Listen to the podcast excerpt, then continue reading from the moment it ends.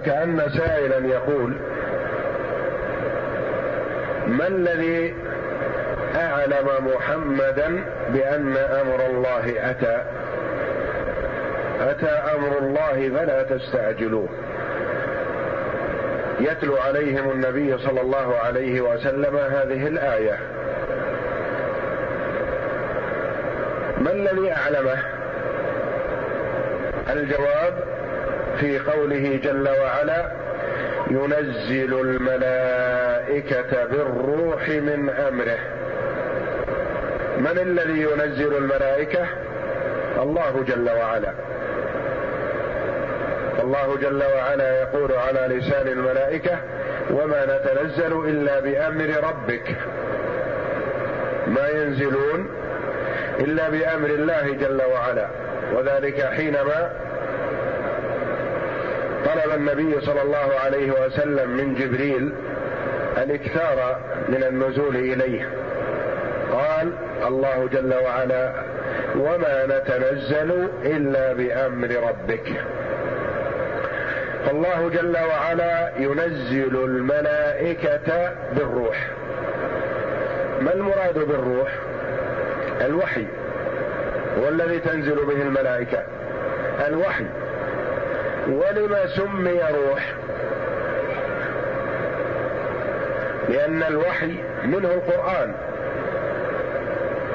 والقرآن فيه الهداية. فهو بمنزلة الحياة. والضلال بمنزلة العمى. والموت. ينزل الملائكة بالروح بالحياة لأن القرآن به حياة القلوب. والقرآن بالنسبة لما تعبد الله جل وعلا به الخلق بمنزلة الروح للجسد. لا يعلم ما تعبد الله جل وعلا به الخلق إلا بالقرآن. فمن أخذ بالقرآن فهو الحي وهو الذي على نور من ربه وهو المبصر وهو الذي يمشي على هدى وعلى بصيرة لأنه اتخذ كتاب الله جل وعلا إماما له وكتاب الله جل وعلا هو حبله المتين طرفه في الدنيا وآخره في الجنة. فمن تمسك به وسار معه أوصله إلى الجنة. ينزل الملائكة بالروح الملائكة تنزل بالروح الذي هو الوحي. في هداية الناس وبيان الحق والهدى وما فيه سعادة الدنيا والآخرة. كما قال الله جل وعلا وكذلك أوحينا إليك روحا من أمرنا. ما كنت تدري ما الكتاب ولا الإيمان ولكن جعلناه نورا نهدي به من نشاء من عبادنا. وإنك لتهدي إلى صراط مستقيم. أوحينا إليك روحا من أمرنا الذي هو القرآن فيه الحياة.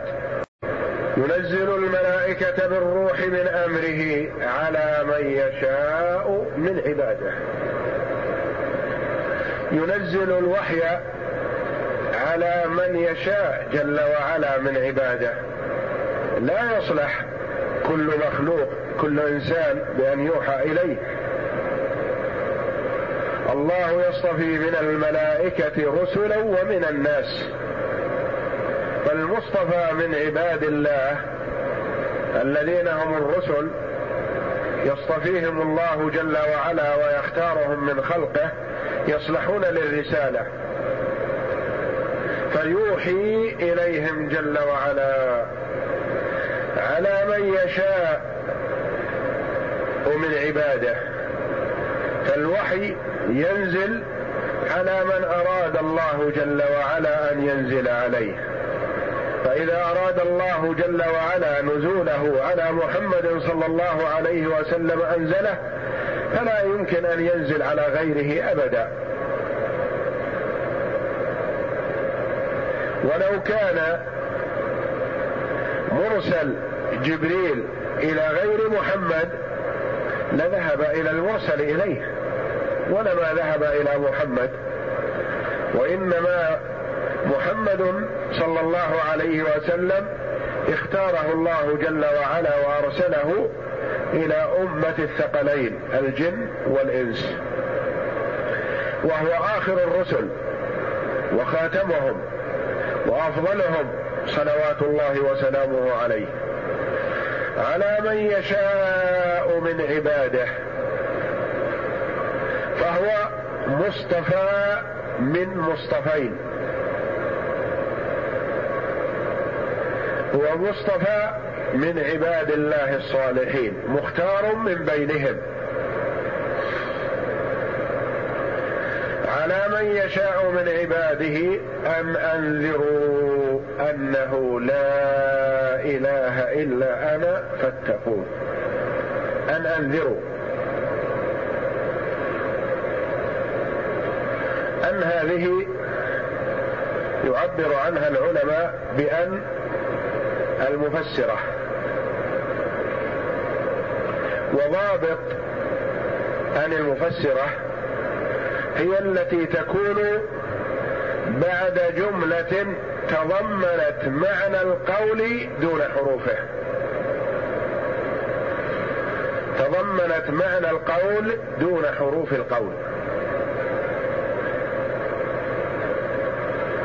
وهنا ما قبلها تضمن معنى القول وهو تنزل الملائكة بالروح من أمر الله على من يشاء من عباده. وقد تضمنت معنى القول ولم تتضمن حروف القول.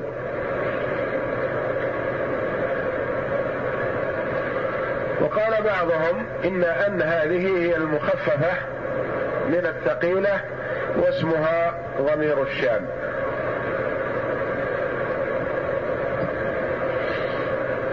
والقول الأول أقرب والله أعلم. ان أنذروا؟ يعني الذي نزل الله جل وعلا عليه الروح من الرسل يقول ذلك. يقوم بالنذارة. ان أنذروا؟ لماذا ينذرون؟ يدعون إلى التوحيد. والدعوة إلى التوحيد تتضمن التخويف من الشرك. وذلك أن النذارة متضمنة للتخويف. فالمنذر هو المخوف من شيء متوقع الوقوع. فالرسل صلوات الله وسلامه عليهم يخوفون الناس وينذرونهم عن الشرك. لأن من وقع في الشرك وقع في العذاب. أن أنذروا أنه أن هذه المخففة من أنه واسمها هنا موجود ضمير الشان أنه لا إله إلا أنا فاتقون. لا إله إلا الله. ينذرون الناس عن الشرك ويدعونهم إلى التوحيد. فمن استجاب لدعوة الرسل نجا وسلم من العذاب. وقد اتقى الله جل وعلا. ومن لم يستجب للرسل فلم يستفد من النذارة هذا هذه ووقع في عذاب الله والعياذ بالله. أن أنذروا أنه لا إله إلا أنا فاتقون. وهذه الآية بيان أن جميع الرسل دعوتهم واحدة عليهم الصلاة والسلام. فكلهم يدعون الله يدعون الناس إلى شيء واحد وهو إفراد الله جل وعلا بالعبادة ونبذ وترك عبادة ما سواه.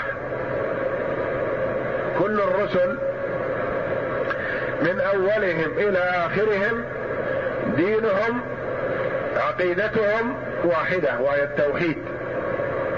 إفراد الله جل وعلا بالعبادة ونبذ عباده ما سواه. وإن اختلفت شرائعهم إن اختلفت الشرائع فالشرائع مختلفة التي هي العبادات الفروع الصلاة. لبعضهم صلاة تختلف عن صلاتنا ولبعضهم صيام يختلف عن صيامنا. ولبعضهم حج يختلف عن حجنا. فالعبادات تختلف. شرع الله جل وعلا لكل أمة ما يناسب لهم لأنه جل وعلا أعلم بمصالح عباده وما يصلح لهم. فالشرائع وإن اختلفت إلا أن العقيدة وأساس الدين واحد وهو إفراد الله جل وعلا بالعبادة وترك عبادة ما سواه. أول الأنبياء آدم صلوات الله وسلامه عليه وأول الرسل نوح صلى الله عليه وسلم وآخر أنبياء الله ورسله محمد صلى الله عليه وسلم.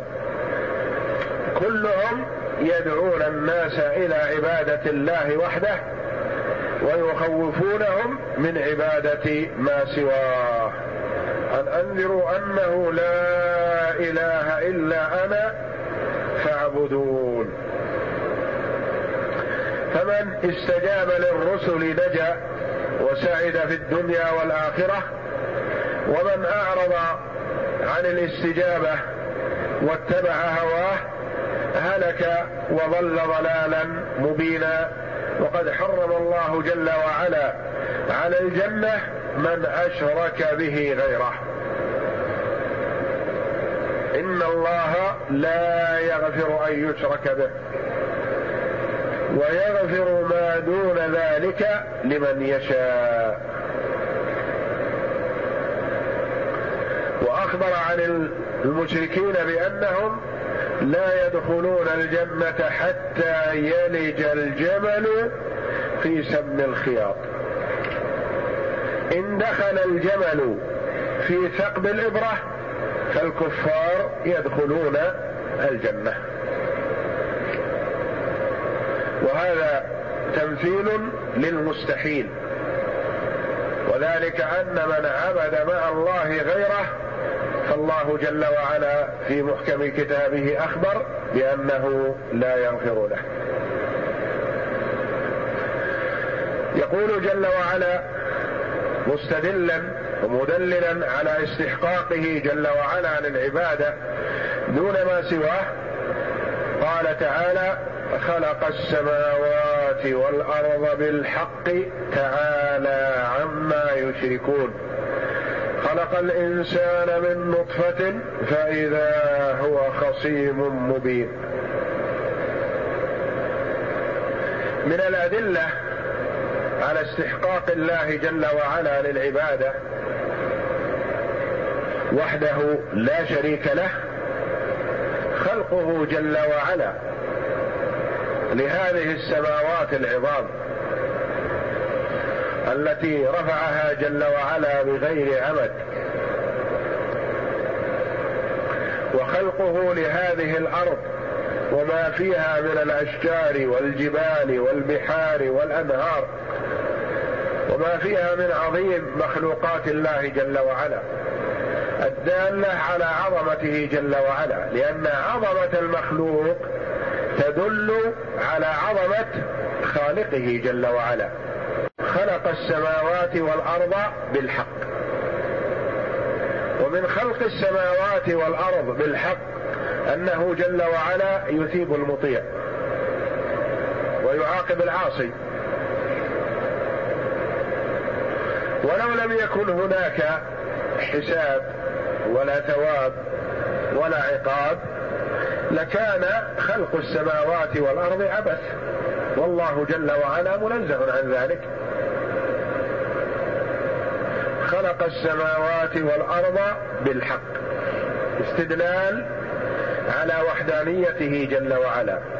واستدل جل وعلا على ذلك بما يشاهده المخلوق بما يشاهده ابن آدم. بما هو بين يديه السماء فوقه والأرض تحته. ويطلع على ما في السماوات من الآيات الشمس والقمر والنجوم. والسحب المتراكمة تجمعها واضمحلالها ونزول المطر منها بأمره جل وعلا. وهذه الأرض العظيمة وما جعل الله جل وعلا فيها من الآيات الدالة على قدرته وعلى وحدانيته. خلق السماوات والأرض بالحق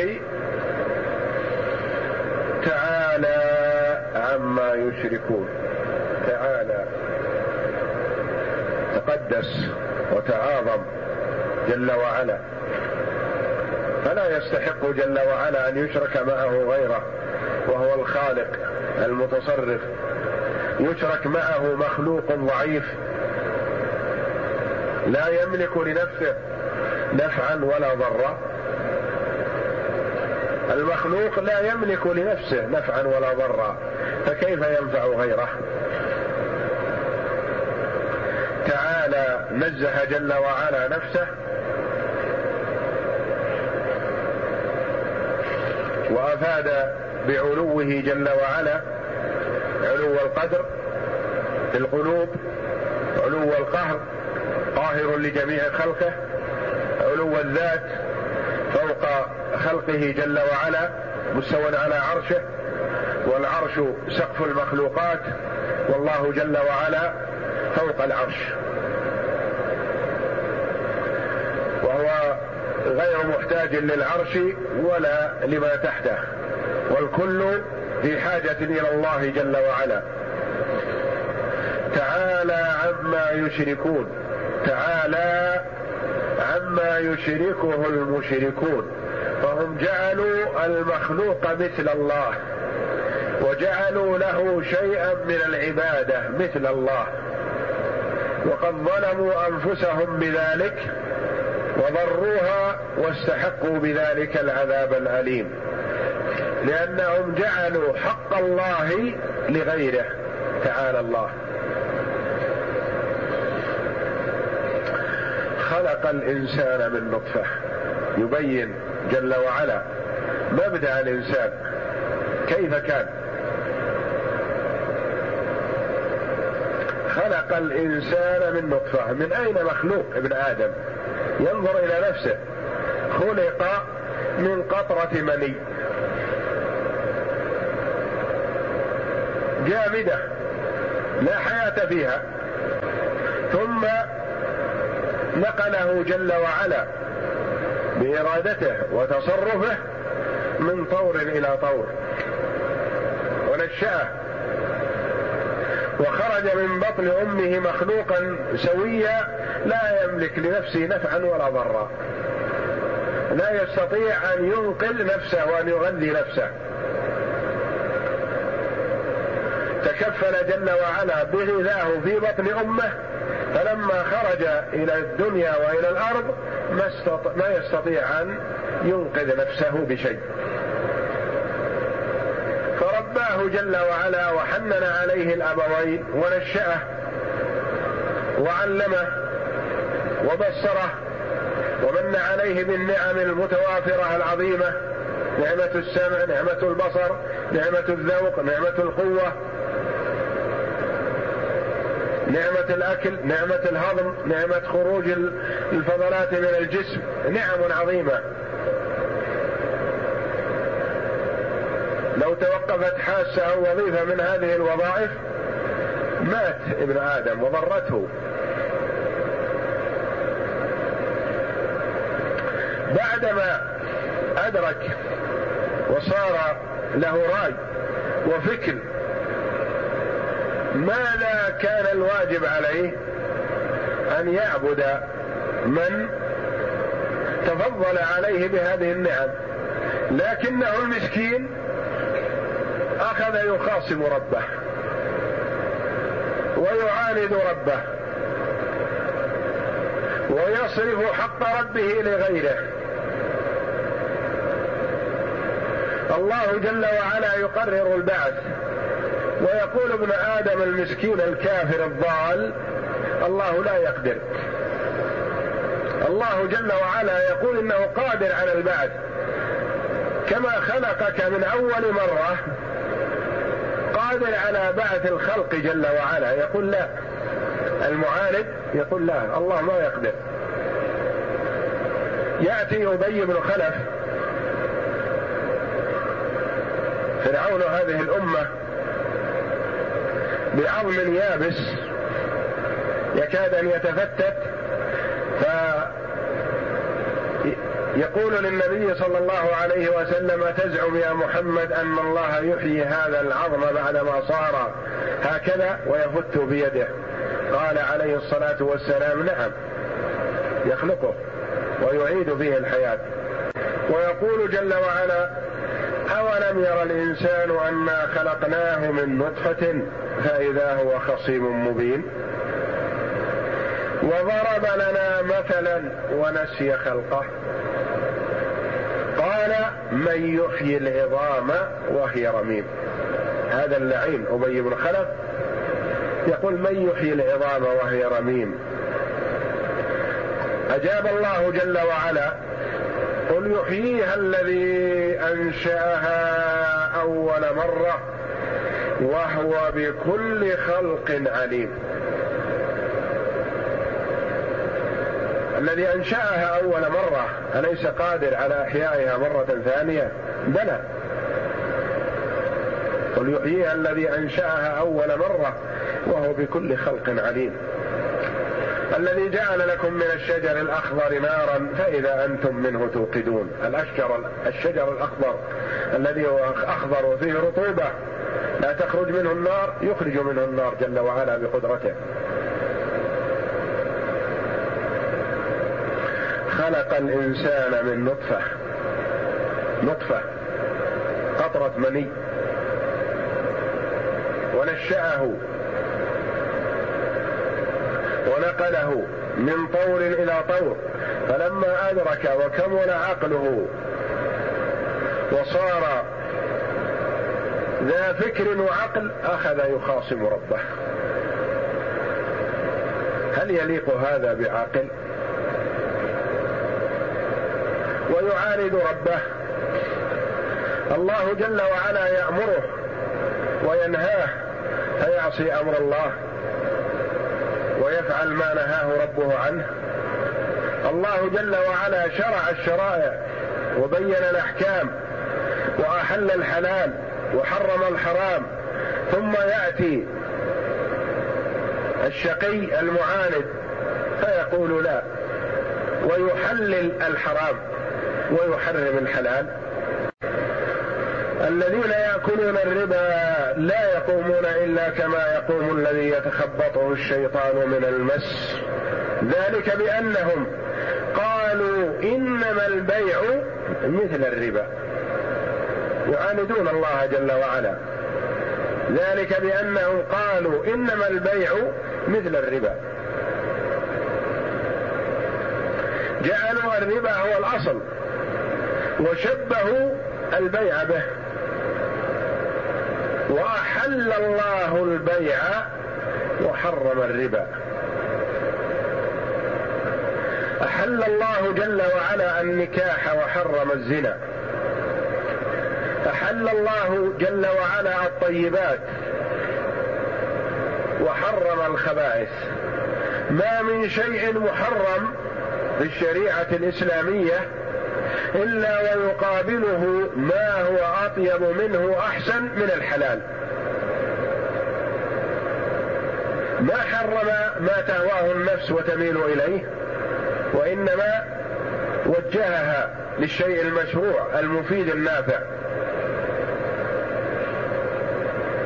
فالنكاح فيه مصالح العباد والزنا دمار وهلاك. أحل الله النكاح ورغب فيه وحرم الزنا. البيع والتجارة فيها مصالح أحلها الله جل وعلا.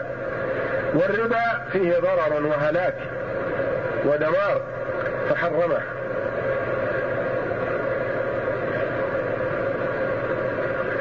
أنواع الطيبات من المشروبات الحلال. طيبة نافعة للجسم مقوية. أحلها الله جل وعلا. بالمقابل شراب خبيث ضار. يقود إلى المهالك ويقود إلى فعل الفواحش والمنكرات. الرب الخمر. حرمه الله جل وعلا. فالذي يعترض على تحريم الله الخبائث وتحليله للطيبات مخاصم لربه. معاند. جعل نفسه خصما لله. الله جل وعلا يقول هذا الحق فاسلكه وهذا الباطل فاجتنبه.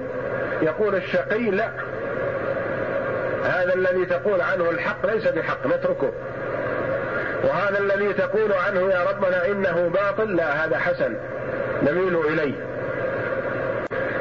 خلق الإنسان من نطفة فإذا هو خصيم مبين خصيم مخاصم مبين بين الخصومة أو يعني بين الخصومة والعناد أو يبين ما يخاصم به ويأتي بحجج وأدلة